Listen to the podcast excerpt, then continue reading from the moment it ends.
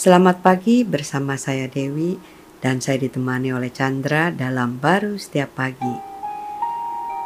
Dalam kehidupan kita itu kadang kita merasa gelisah dan kegelisahan itu membuat hati tidak tentram, kemudian kekhawatiran akan datang. Tapi firman Tuhan berkata di dalam Yohanes 14 ayat 1, Janganlah gelisah hatimu, percayalah kepada Allah, percayalah juga kepadaku. Nah, kira-kira bisa nggak sih kita tidak gelisah? ya tergantung ya masalahnya seperti apa ya.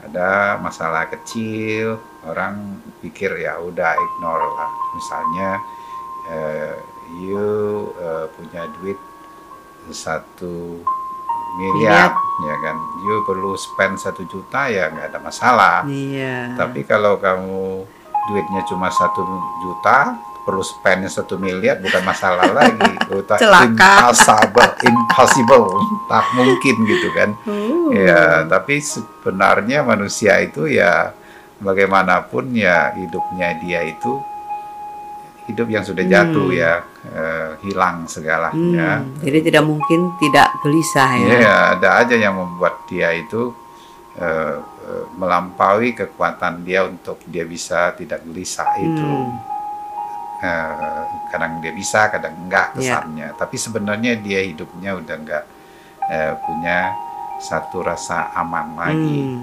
uh, maka itu uh, Tuhan bilang you nggak bisa lah hmm. uh, you perlu percaya kepada dia melalui penebusannya ya kan Betul. sehingga manusia itu dijadikan baru dengan damainya Tuhan hmm ya maka itu damainya ini nggak bisa dicari nggak bisa hmm. didapatkan dari dunia ini ya. tapi diberikan kepada kita melalui penebusan dia eh, dengan kematian dia atas kematian kita yang sebagai manusia lamanya kita sebagai manusia baru memiliki bukan saja rasa damai dengan Tuhan rasa damai satu dengan yang lain tapi hmm. damai Tuhan wow kalau ada damainya Tuhan, otomatis kegelisahan itu tidak akan bisa pernah nempel. Ya nggak bisa.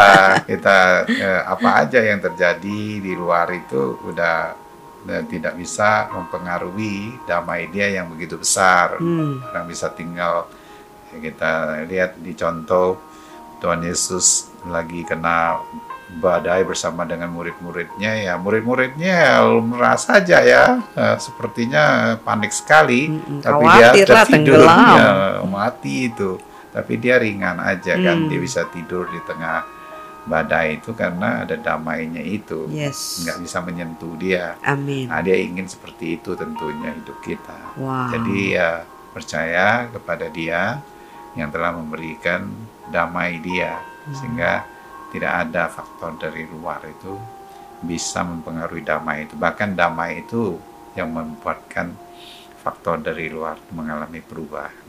Wow, amin. Amin.